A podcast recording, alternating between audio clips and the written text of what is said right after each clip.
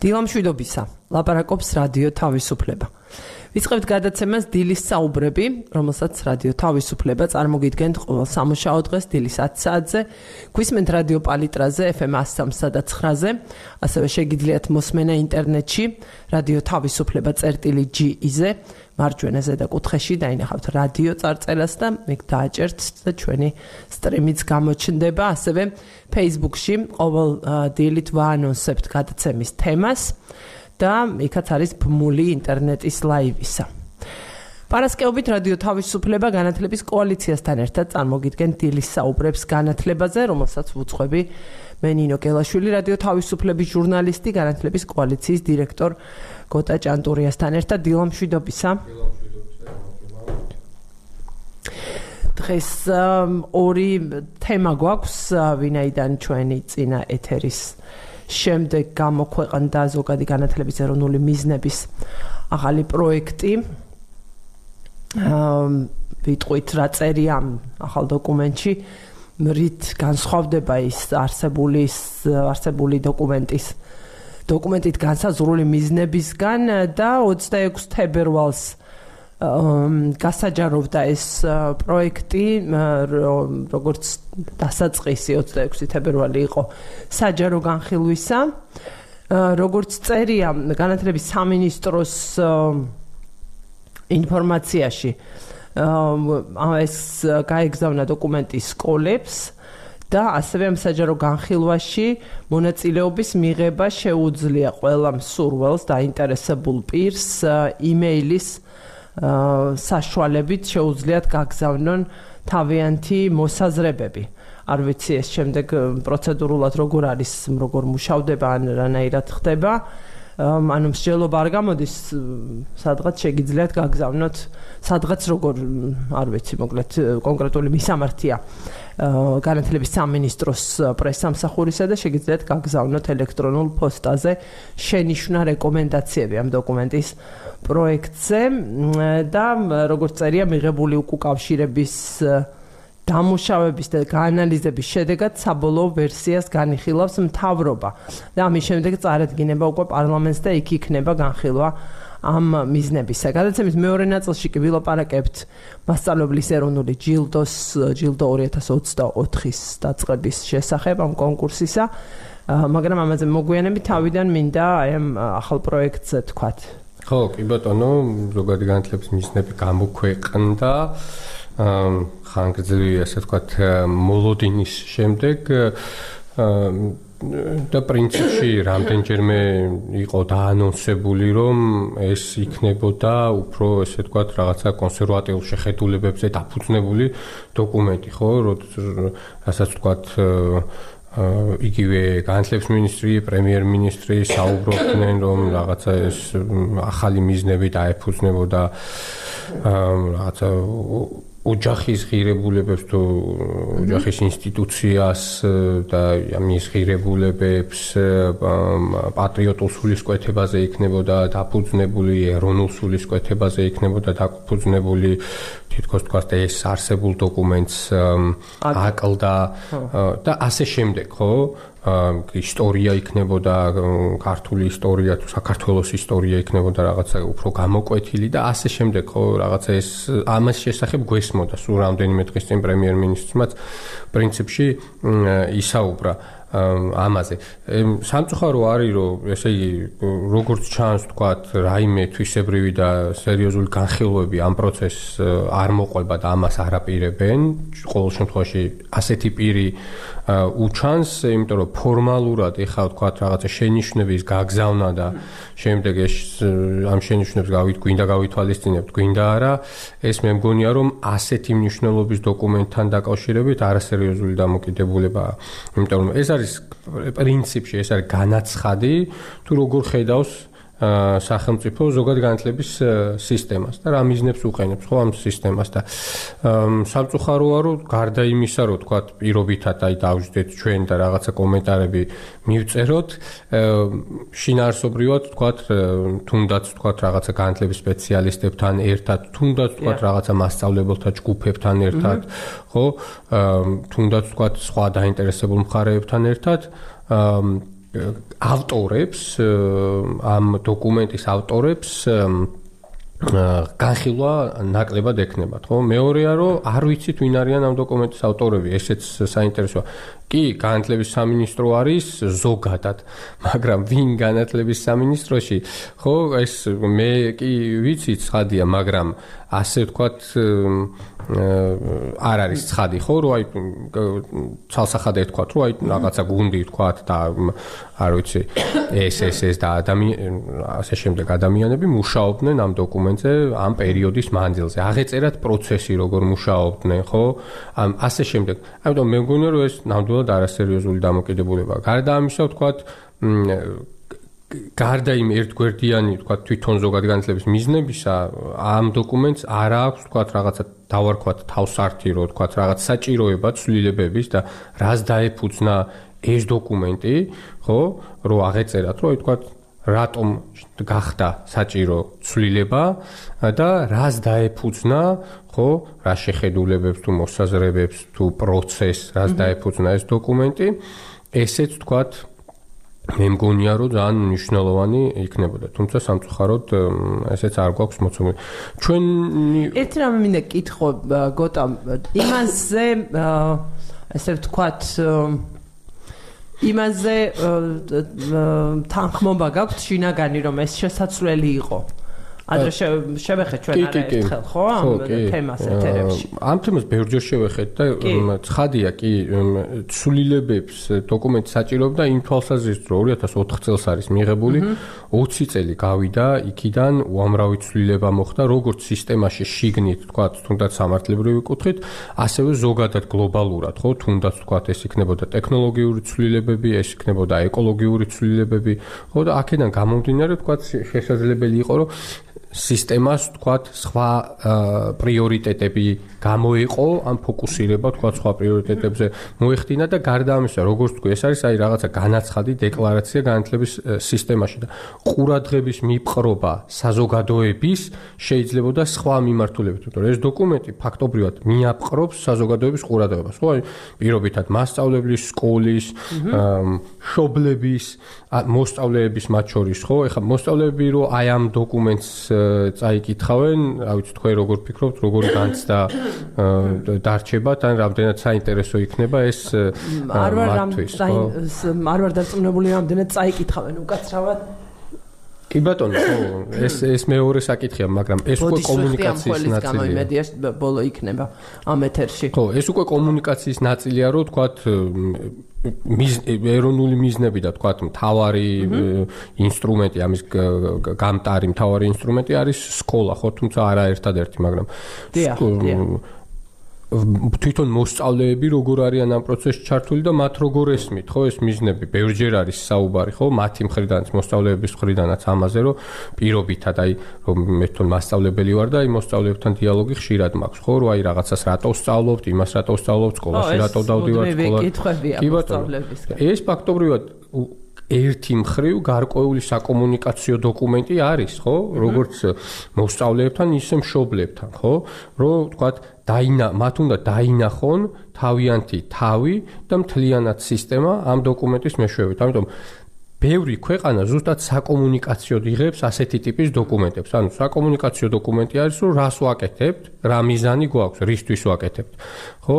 და მე მგონია, რომ ესეც ზუსტად საკომუნიკაციოდ იქნა მიღებული ეს დოკუმენტი, გათვლილი უფრო აი წინასაარჩევნოდ გათვლილი უფრო ესეთ კონსერვატიულ ჯგუფებზე, რით და პრინციპში ჩვენ კონტექსტიდან ამოგლეჯილად არ არ უყურებთ ხო ამ სიტუაციას, ხედავთ თქვათ სხვა სფეროებში რა ხდება, ხო? ხედავთ თქვათ ჩვენი კურსი საით არის და ასე შემდეგ და აი ამ ერთიან კონტექსტში იგივე ეს მესიჯები თქვათ ეს იქნება თქვათ პარლამენტის თავმჯდომარის პრემიერ-მინისტრის სხვების როგორი არის და ამ კონტექსტში ჯდება პრინციპში ეს მიზნები, ხო? აა კი, მე არ მეთქვამს, შენ თქვი. შენ ახსენე წინა საარჩევნო კონტექსტი მათ შორის და საერთო კონტექსტიც ამასთან კავშირი ამ დოკუმენტის ამ პროექტის. გუშინ მოვისმინეთ ჩვენ ახალი ინიციატივის შესახებ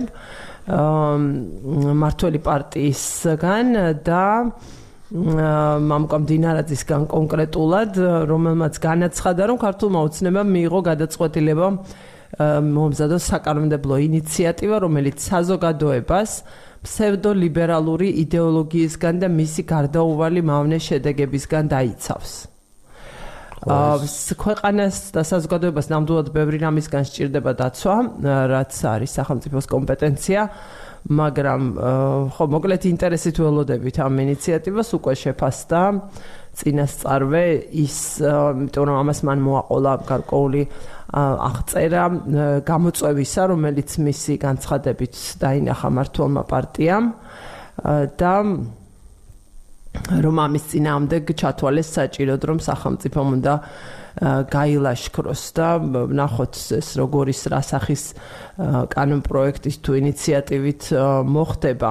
ლაპარაკი არის კონკრეტული ტიპის როგორც თვითონ აცხადებენ იდეოლოგიის გავრცელებაზე ფსევდოლიბერალური იდეოლოგიისა სოფლიო მასშტაბით ვხედავთო ამ ძიმე ტენდენციებსო სულ უფრო მძიმე ფორმებს იძენს და პროპაგანდას აქვს მძიმე შედეგები.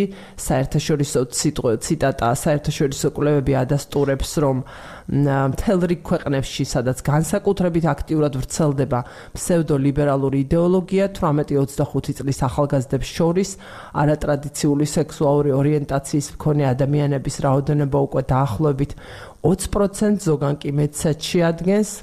შემაშფოთებელია რომ ეს მაჩვენებელი ბოდიში 7 წელიწადში სამჯერ გაიზარდა.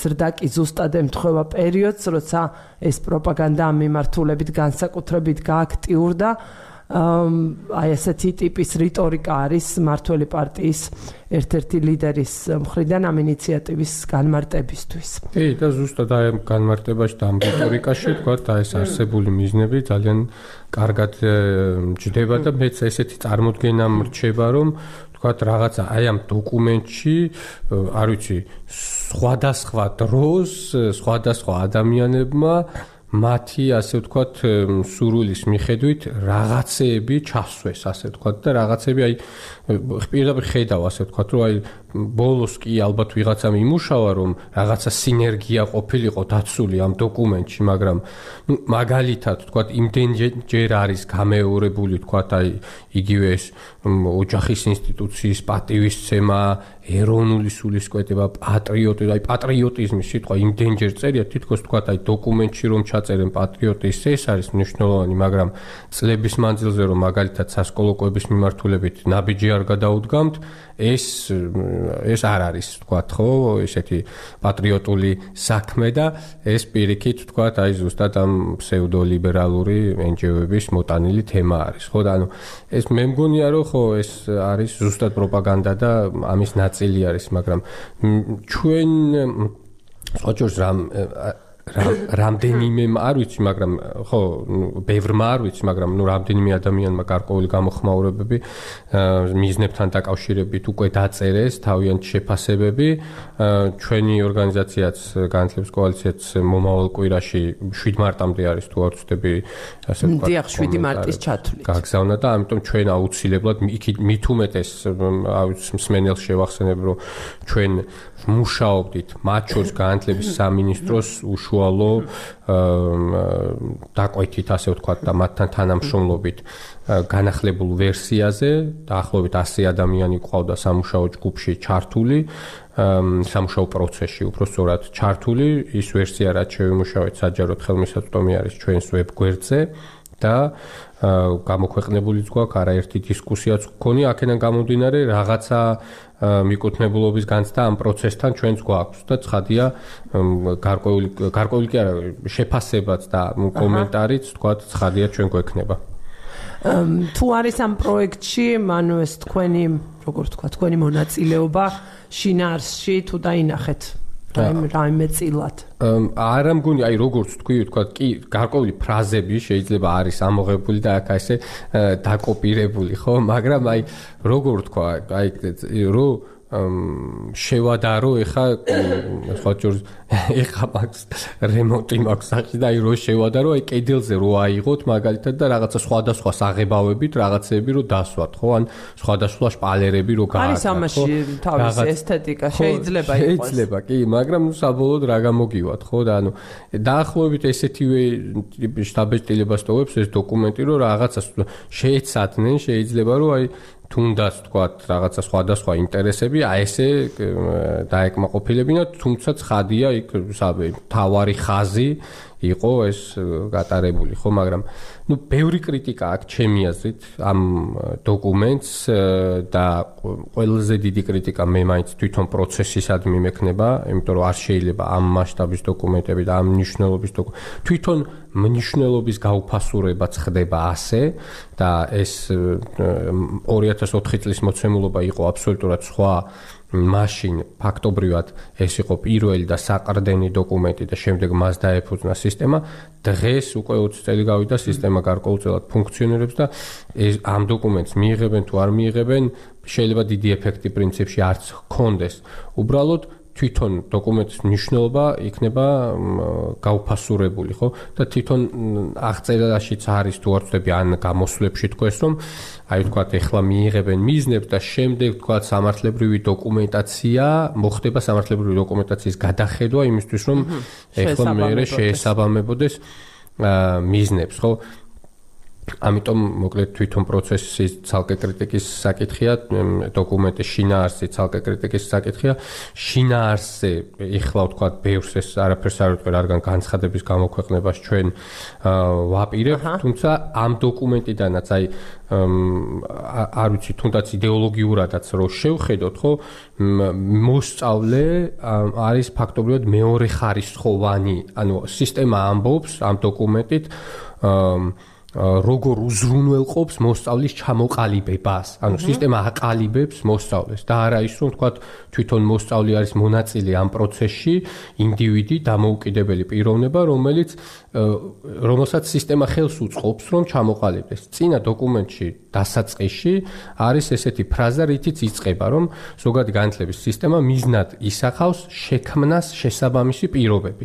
ხო, ანუ სისტემა ქმნის პირობებს, რომ თქვენ, როგორც ვთქვათ, მოსწავლეს, ან თქვენ როგორც ინდივიდს გაქვთ შესაბამისი პირობები, რომ ეს ეს ესე და ესე განვითარდეთ. აი ამ მიმართულებებით. ამ დოკუმენტში ჩვენ ვამბობთ, რომ სისტემა აყალიბებს ესეთ ადამიანს, ხო? ანუ და ამ ორ ესე ვთქვათ, მიმართულებას თუ დავარქვათ იდეოლოგიას შორის არის მნიშვნელოვანი სხვაობა. ეს ეს საკმაოდ ისე გასააზრებელი მომენტი არის. და არის კიდევ უამრავი სხვა აქაც რო ჩავყვეთ თქვა თვითონ აი ამ პოსტულატებშიც. ხო თუნდაც ის რომ მაგალითად მხოლოდ სკოლა არის წარმოჩენილი როგორც თქვა ზოგადი განათლების გამტარი ერთადერთი ინსტიტუცია მაშინ როდესაც აი პანდემიის დროს თუნდაც დავინახეთ ხო იქნება ეს ონლაინ სწავლება შინ სწავლება, ანუ სხვა ინსტრუმენტები ფაქტობრივად გვერდზე არის გადადებული და ასე შემდეგ. ანუ კრიტიკა ბევრი მიმართულებით ჩემი აზრით შეიძლება, უბრალოდ თავარია რომ ამას შემდეგ რაღაცა რეალური ვთქვათ ცვლილება მოყვეს. მე არ ვიცი სხვა ქვეყნების მსგავსი დოკუმენტები როგორი შინაარსის არის ან როგორ მუშავდება ის მიხედვით დგება, მაგრამ აქ ხო რა თქმა უნდა ახლა გვაქვს საშუალება შედარების მსმენელი რომ არ დავაბნიოთ მსმენელს ასევე გეტყვით რომ შეგიძლიათ რა თქმა უნდა მონაწილეობა საუბარში მოკლე ტექსტური შეტყობინებების გამოგზავნით ნომერზე 59595500055-ზე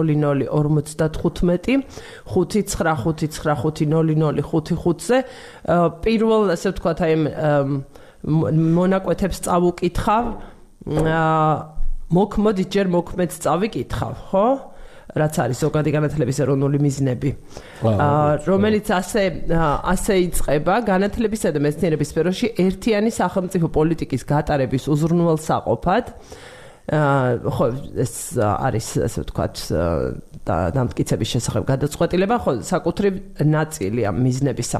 საქართველოსი ზოგადი განათლების სისტემა მიზნად ისახავს შექმნას ხელსაყრელი პირობები, აი რაზეც გოტამ თქვა, ეროვნული და ზოგადსაკაცობრიო ღირებულებების მატარებელი თავისუფალი პიროვნების ჩამოყალიბებისთვის.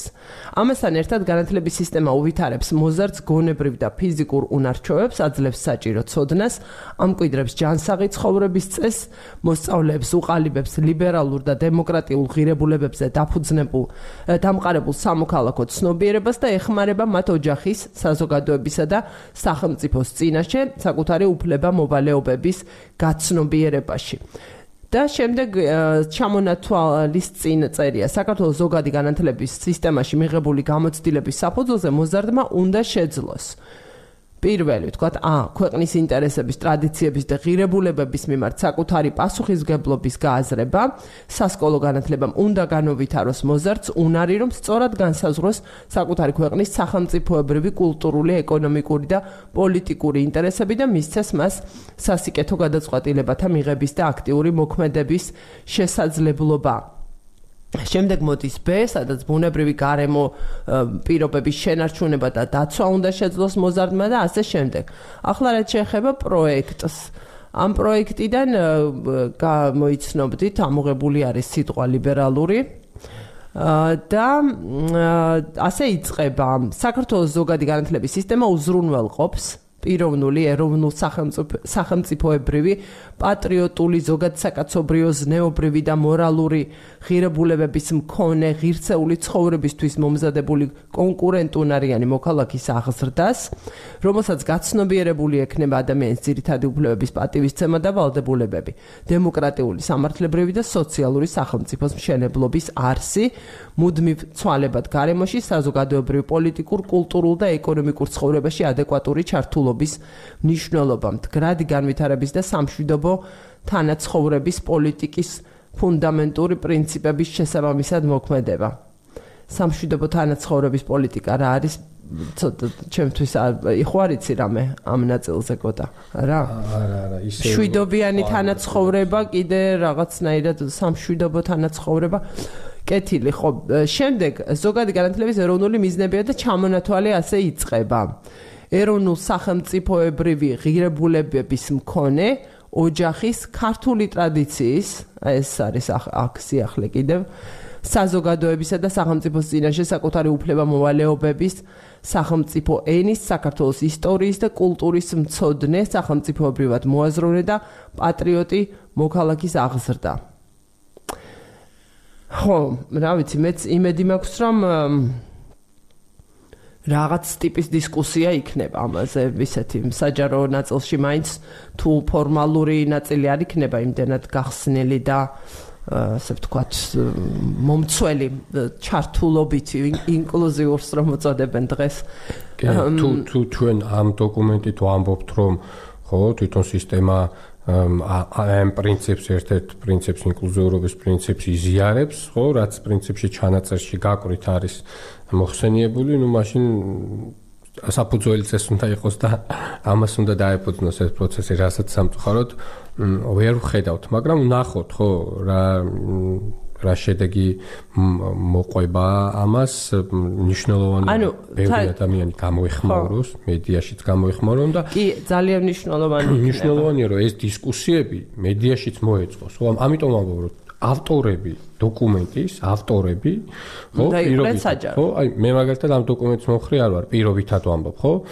ის ვინც არის თქვა აი ამ დოკუმენტის ავტორი და ალბათ რაღაცა კი იმას კი არ ვამბობ რომ თქვა ის დოკუმენტი რაც ჩვენ შევიმუშავეთ ეს არის ერთადერთი პანაცეა და სწორი ვერსია. არა უბრალოდ თუნდაც საჯარო დებატების გზით რაღაც დისკუსიების გზით არ იყოს კი ბატონო დებატი მაგრამ დისკუსიის გზით ხო ძალიან მნიშვნელოვანია რომ ამაზე იყოს ეს საჯარო დისკუსია. განათლების სპეციალისტები და ავტორები რომ დავსხდეთ და ფორმალურადაც თუ არაფორმალურადაც ვთქვათ, მედიაში თუ სამუშაო შეხვედრებში ამაზე უნდა ცხადია ვიმჟელოთ, ისევე როგორც მასშტაბლებლებმა და მნიშვნელოვანია რომ დოკუმენტს ბევრი ადამიანი გამოეხმაუროს. კრიტიკა არ არის, თქვათ, პიროვნული და არ ამას არ გულისხმობთ, ცხადია.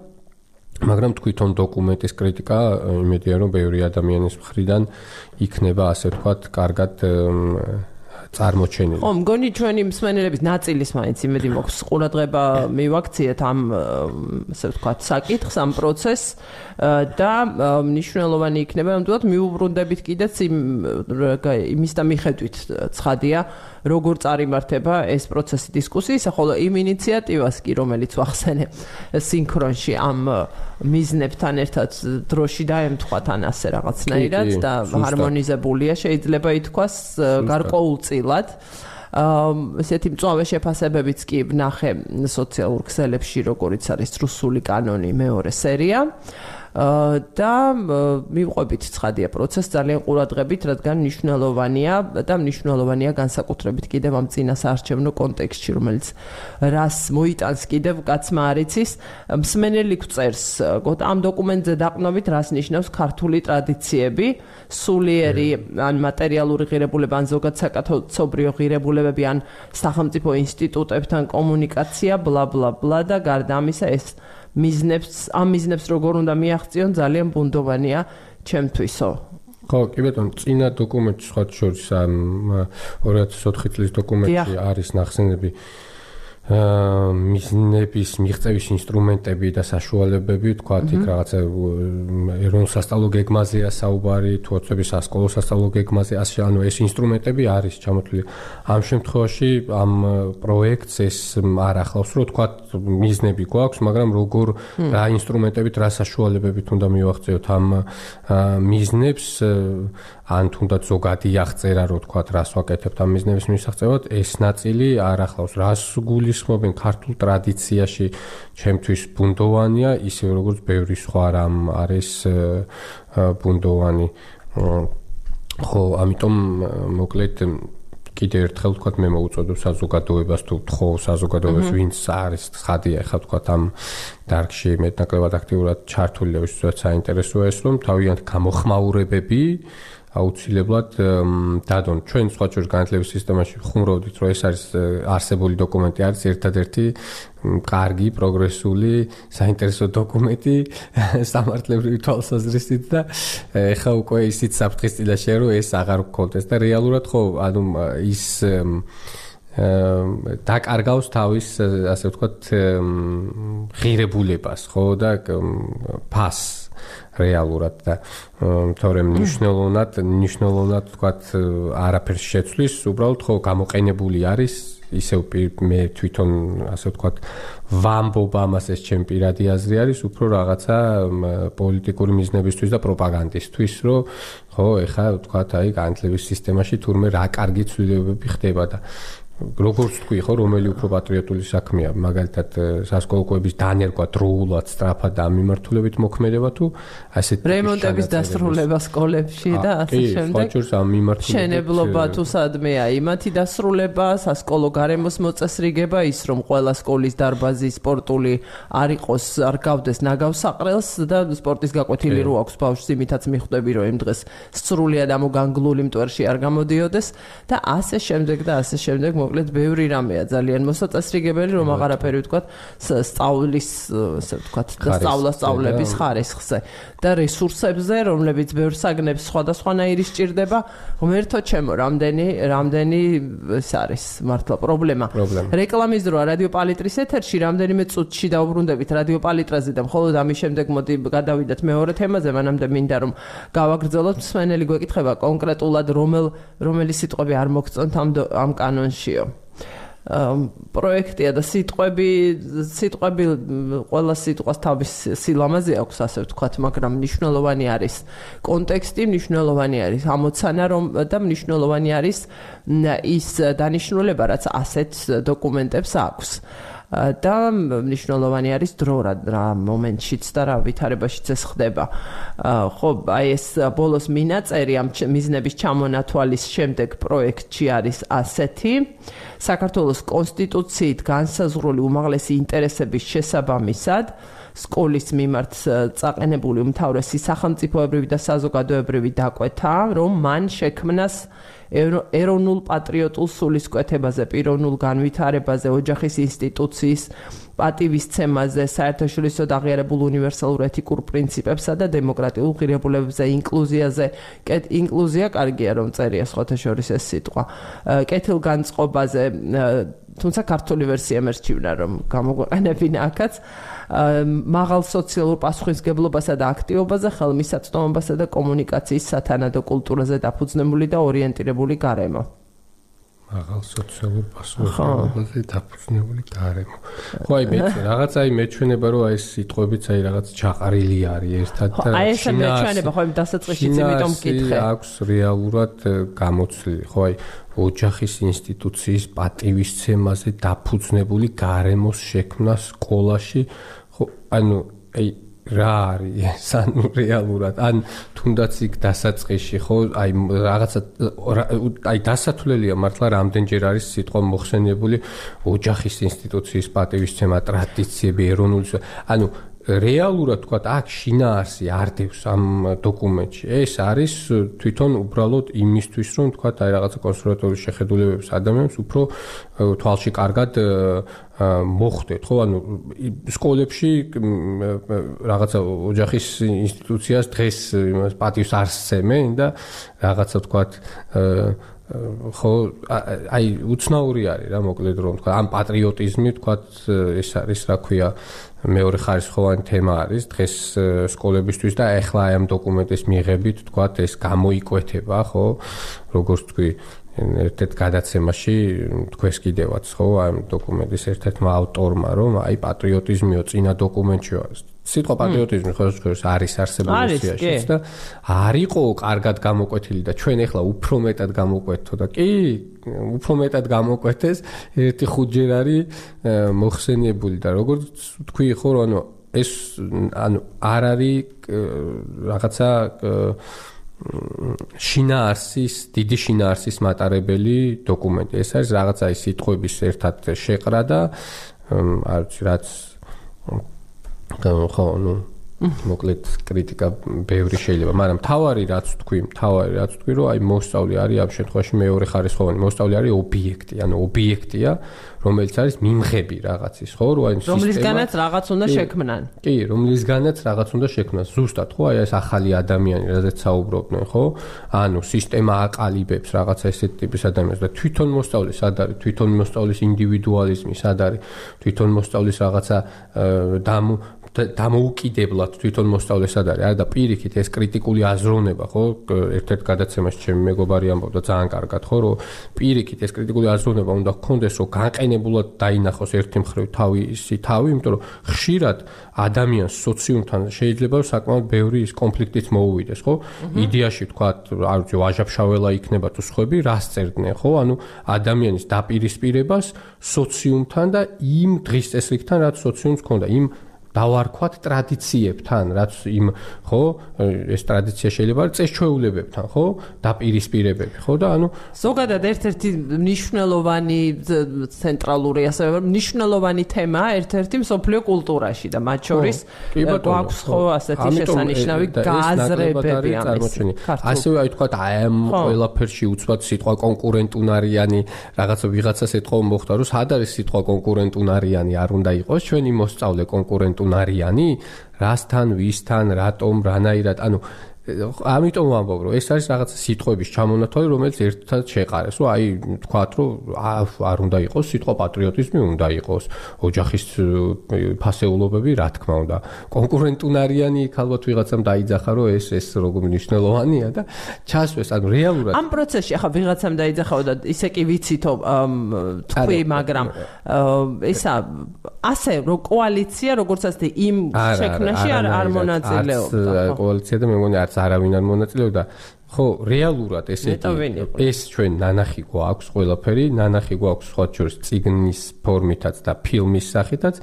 მე მგონი რომ ცისფერი თები არსად წასულა და აი ზუსტად ეს არის, რომ აი შეიკრიბნენ და აი აბა იქ ეს ჩავწეროთ, ის როგორ არა და ეხა იქ მე კომენტარები მოვიდა ვიღაცის, რომ ხალხნო კონკურენტუნარიანი დაგაკლდათ და ჩაამატეთ სადმე და იქ სადმე მე ჩაწერდნენ, რომ სად იქნება ეს სამშვიდობო თანაცხოვრებაც საიდან მოვიდა ხო სად ხო აი იქ ვიღაცა ეთყოდა რომ როგორ კაცო ხო ომი არ გვინდა უკრაინაში ომი მიტის და სამშვიდობო თანაცხოვრება არ არის მნიშვნელოვანი და ჩაწერდნენ მშვიდობიანი ჯობდა ისე თუ მაინც და მაინც წერდნენ აუცილებლად აუცილებლად. და ამიტომ ხო აი ასე მიღებული დოკუმენტია სასაცილოდ. არც პროცესი არ არის აღწერილი და ამიტომ აი ჩვენ კი რაღაცა განცხადებას და ჩვენ შეფასებას გამოვაქვთ, მაგრამ ხშირად მგონია ხოლმე რომ ეხ გუშინ მე და ჩემი კოლეგაც საუბრობდით, რომ ასეთი ტიპის პროცესზე და თქვათ შემდეგ უკვე ამ პროექტზე შეიძლება სერიოზული კომენტარის გაკეთება არ წღირდეს და უფრო ესეთი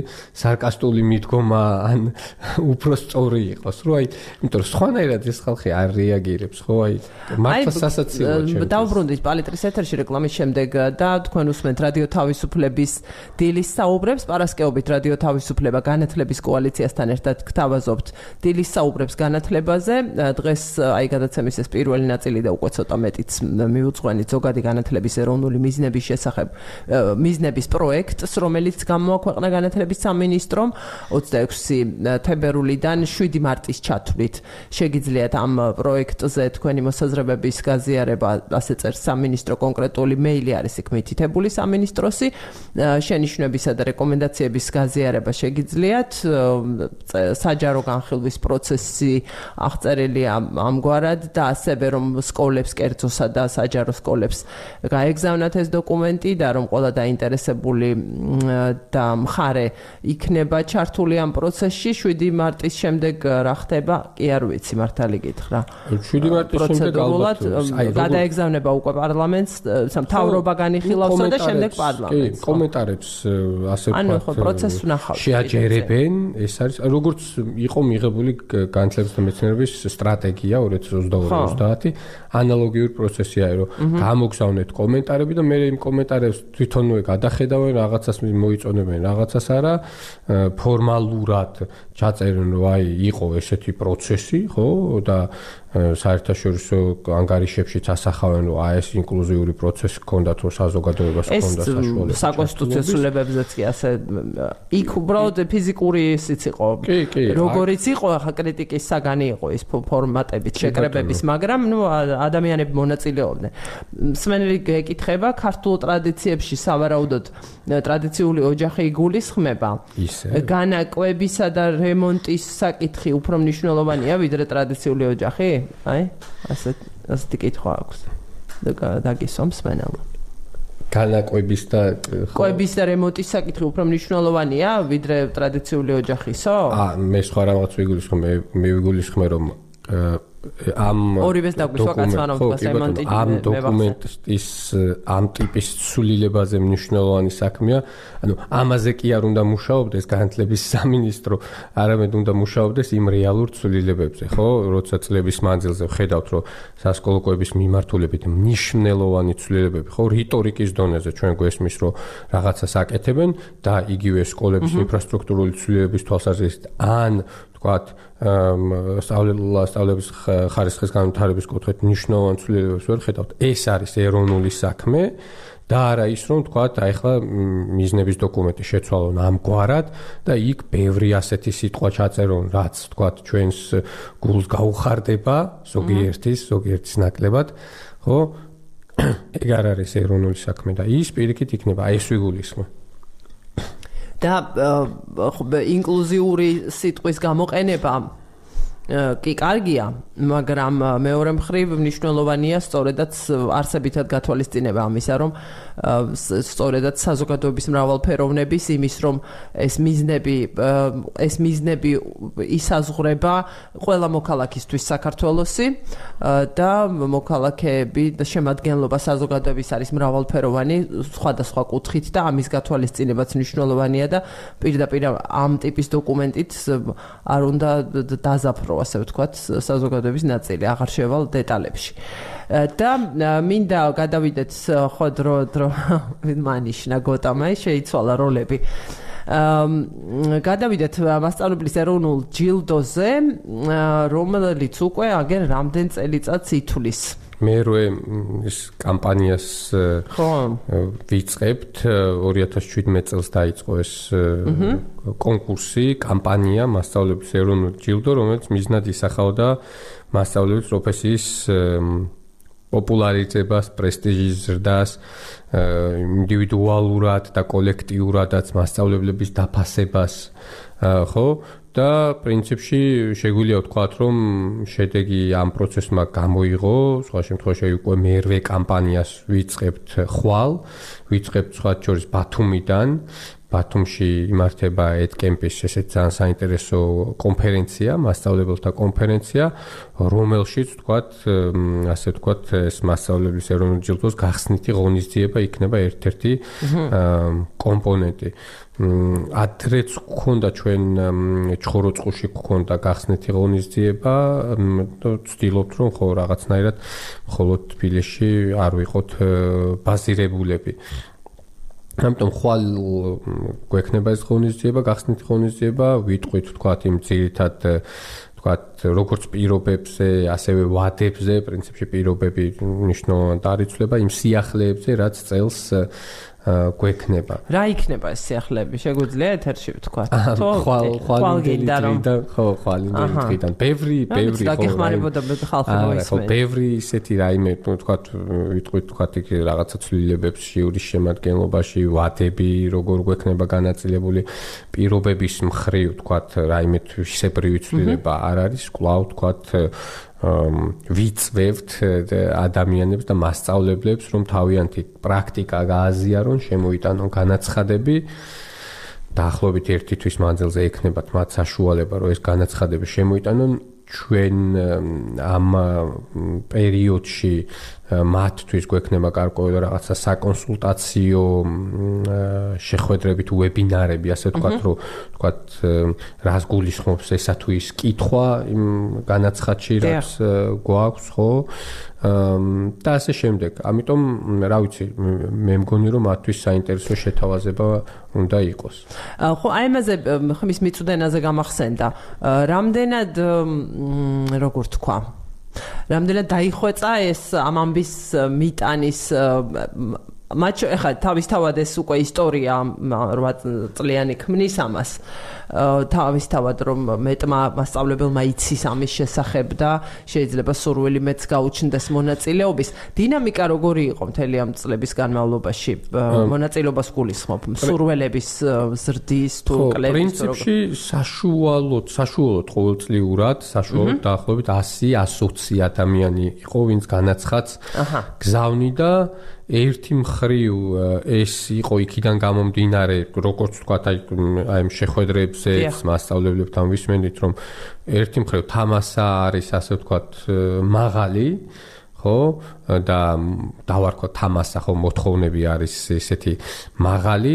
მეორე მხრივ თქვა ხო თვითონ ეს მასშტაბებელთა корпуსი საკმაოდ თავმდაბალი ჯგუფი არის ხშირ შემთხვევაში. ის მასშტაბებელები განსაკუთრებით ვინც აი ესე ძალიან ბევრს საქმიანობენ.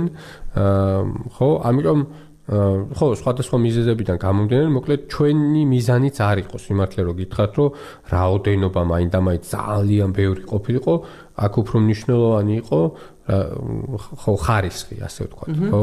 ხარისხი და საბოლოოდ ყველაზე მნიშვნელოვანი რაც მივიღეთ რაც თავიდან ასე ვთქვათ წარმოქმნილი არ ქონდა ხა ნამდვილად რომ 8 წლის თავზე კიდე ვთქვათ აი ესე აქტიურად ამ კამპანიის წარმოებას შეუწყობდით ხელს.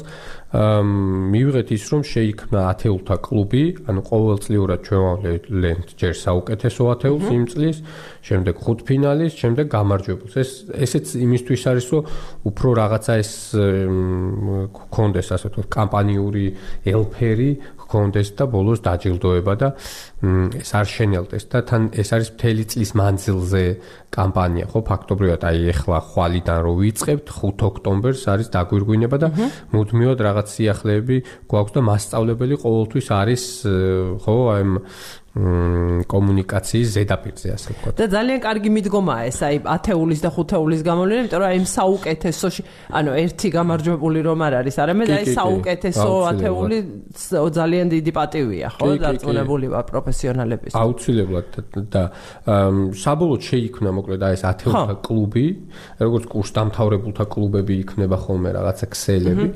შეიქმნა ათეულთა კლუბი, ამ ათეულთა კლუბში არის უკვე 70 ადამიანი, სამწუხაროდ 68 ადამიანი, იმიტომ რომ ორი მასწავლებელი დროთო გარდაიცვალა და ყავს 68 ადამიანი, 70 ხო ათეულთა კლუბში და წელს დაემატება კიდევ ერთი ახალი ათეული და ჩვენ უკვე რამდენიმე ხანია, ასე ვთქვათ, ვცდილობთ, რომ შევქმნათ შესაბამისი პირობები, რომ ეს ათეულთა კლუბი, ასე ვთქვათ, დამოუკიდებლად განვითარდეს და თვითონ იყოს ერთ-ერთი ისეთი მნიშვნელოვანი ძალა მასწავლებლის პროფესიული განვითარების თვალსაზრისით, ხო, იმიტომ რომ მათი ხმა არის ყველაზე მნიშვნელოვანი, ხო, იდეაში. და ბევრჯერ პრინციპში მათ თავიანთი ხმა ბევრ ბევრ საკითხთან დაკავშირებით გამოთქვეს კიდევაც, მაგრამ ისინი უნდა იყვნენ ძირითადი, ასე ვთქვათ, მოტორი სისტემაში რაღაცა ცვლილებები იქნება თუ შეთავაზებები. არაერთ პროექტს ახორციელებენ სხვათა შორის, არაერთ ინიციატივას, ცხადია არა ყველა 70 ერთად, მაგრამ ესე დამოუკიდებლად ერთმანეთთან ძალიან კარგად თანამშრომლობენ და აი ეს არის მე ვფიქრობ ამ პროექტის ერთ-ერთი მთავარი მიღწევა. აა ერთგვარი დეკონცენტრაცია ხო არ მოხდა ამ თქვენი როგორ თქვა ამ თქვენი კონკურსის პროცესისა იმის გამო რომ თქვა შარშან სამინისტრომ დააფუძნა მეორე ჯილდო მასწავლებლის პრემია თუ როგორ ქვია ერთი წუთით ახლა შევამოწო მასწავლებლის ეროვნული დღე დაწესდა და პრემია. დიახ. სამინისტროს მიერ სამინისტრო ასევე მონაწილეობს და არის ერთ-ერთი მონაწილე ამ თქვენი კონკურსისა. კი, ფორმალურად ჯერჯერობით არის, კი ბატონო. რაიმე სხვანაირად არ არ ასე ვთქვათ რაიმე სხვა შეთანხმება არ გქონია.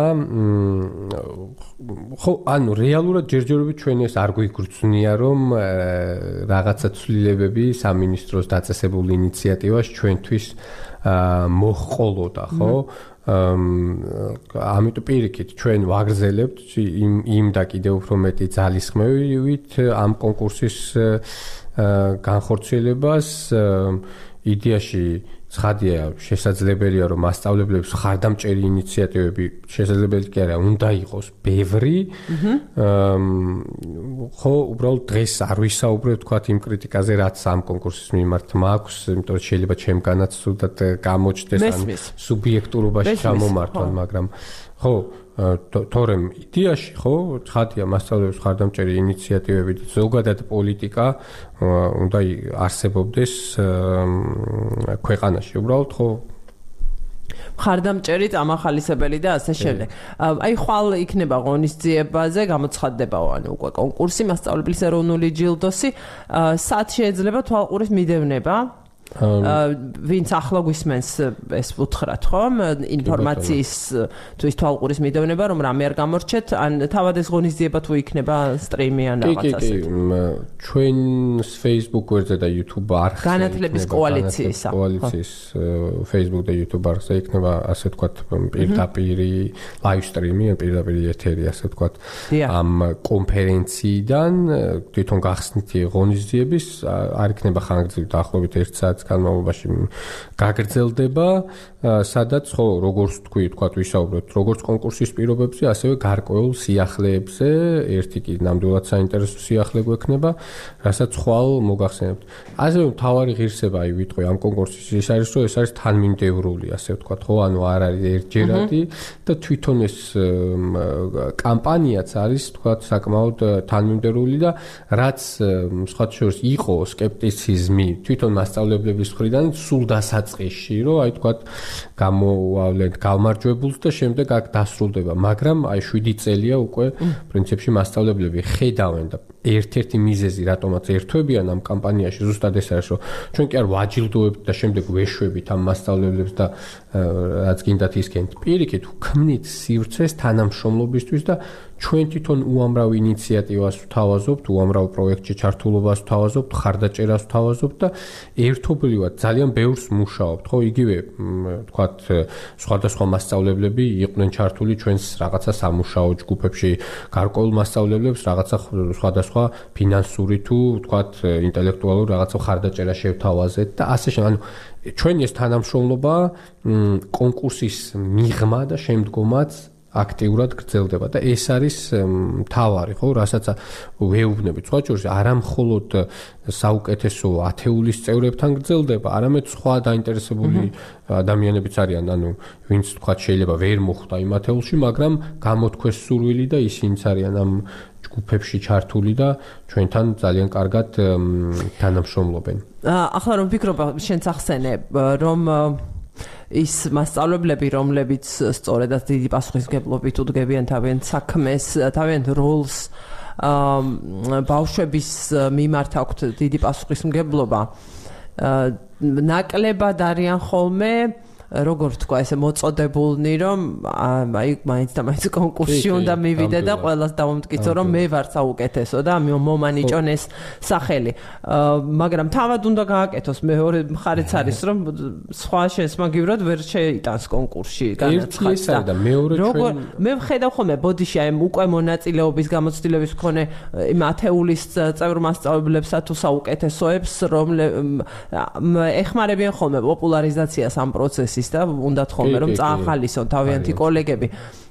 აი რას ეტყოდით ასეთ მასწავლებლებს, რომლებიც რა ვიცი, ხო თავის ქება არ უყვართ ასეთ ადამიანებს და მაინც და მაინც. კი, აბსოლუტურად მესმის და შარშან სხვა შორს აი ათეულობით შეხვედრა ჩატარდა. ყველა პროფესიაში გულისხმობ, დიახ. კი, კი, მესმის. შარშან ათეულობით შეხვედრა ჩატარდა აი მასწავლებლების მიერ.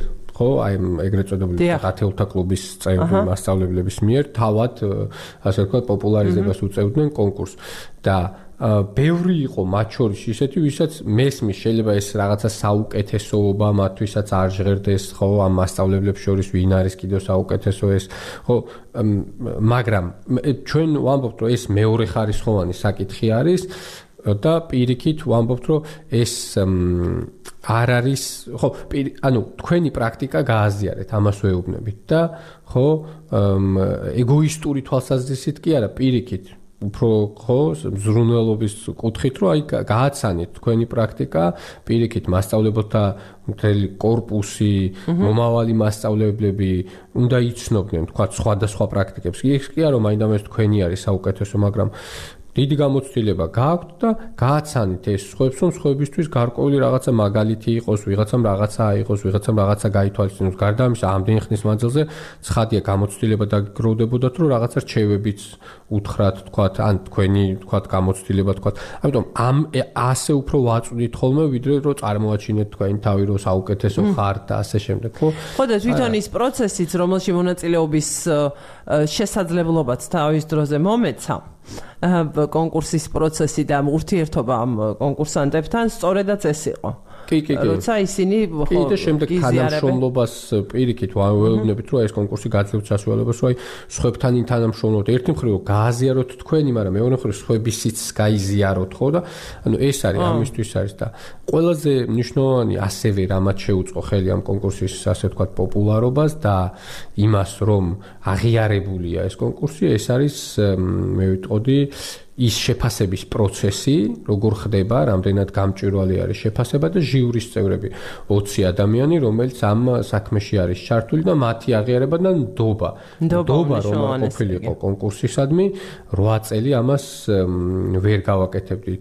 ამ ნდობის გარეშე შეუძლებელია რომ თქვათ თანმიმდევრულად რაიმე საინტერესო კეთდებოდეს. ნამდვილად ასე რომ არ როგორ თქვა არ მოგერიდოთ კი არა პირიქით მნიშვნელოვანია თითოული შეიძლება თulides ესა თუ ის ვინმე რომელიმე გვისმენდეთ კიდეც ახლა თვლიდეთ რომ ის რასაც თქვენ აკეთებთ ეს თქვენი ასე ვთქვათ ვალია რომ საუკეთესო და მაქსიმუმი გააკეთოთ თქვენი მოსწავლეებისთვის. მაგრამ და შეიძლება არც არავინ იცოდეს რას და როგორ მუშაობთ. კი ბატონო? ხო ცოტი დაგვრჩა და ბრძანე. კი კი რა თქმა უნდა ხო ისე რადგან გადაცემაში ვარ სახელობითად არ დავასახელებ მაგრამ ასევე ძალიან მნიშვნელოვანი იყო რომ მხარდამჭერების მოვიწყდება ხოლმე და მხარდამჭერები არიან ყველაზე ასევე მნიშვნელოვანი რომ ამ კონკურსს ყავს უამრავი მხარდამჭერი და ერთი თვალსაზრისით გენერალური სპონსორი შეგვიძლია კი რა უნდა დავასახელოთ გუდავაძე პატარკაცშვილის ფონდი და ესეც მნიშვნელოვანია რომ აი სხვადასხვა ჯგუფებთან გვაქვს ასე ვთქვათ თანამშრომლობა და არ არის ვთქვათ რაღაცა მხოლოდ ჩვენი ჩვენ ვამბობთ რომ ეს არის საზოგადოებრივი კამპანია. ეს არის განათლების კოალიციის რაღაცა დამოუკიდებელი კამპანია ეს არის საზოგადოებრივი კამპანია და იმიტომაც არის წარმატებული და მნიშვნელოვანია ეს პარტნიორობა რომ ხო ვინც მნიშვნელოვნად თulis ამ სფეროს ამ პროფესიას და მის დაფასებას ნამდვილად ნამდვილად საკებარია ვინც უნდა იყოს და ძალიან დიდი მადლობა დასრულდა ჩვენი საეთერო დრო. ჩვენ კიდევ კონკურსის მიმდინარეობისას რაც საჭირო იქნება ინფორმაცია და რაც შეგვეძლება მივაწვდით ამ ეთერიდანაც. მასწავლებლებს და დაინტერესებულ პირებს გოტა ჭანტურიას დიდი მადლობა. განათლების კოალიციის დირექტორი გახავთ თანაწამყვანი დღევანდელი რუბრიკისა. მე ნინო გელაშვილი ვარ რადიო თავისუფლების ჟურნალისტი. დილის საუბრები დასრულდა. განათლების რუბრიკით ერთი კვირით გემშვიდობებით მე კი ორ შაბათს დაგიბრუნდებით. დილის საუბრებით დემოკრატიაზე დროებით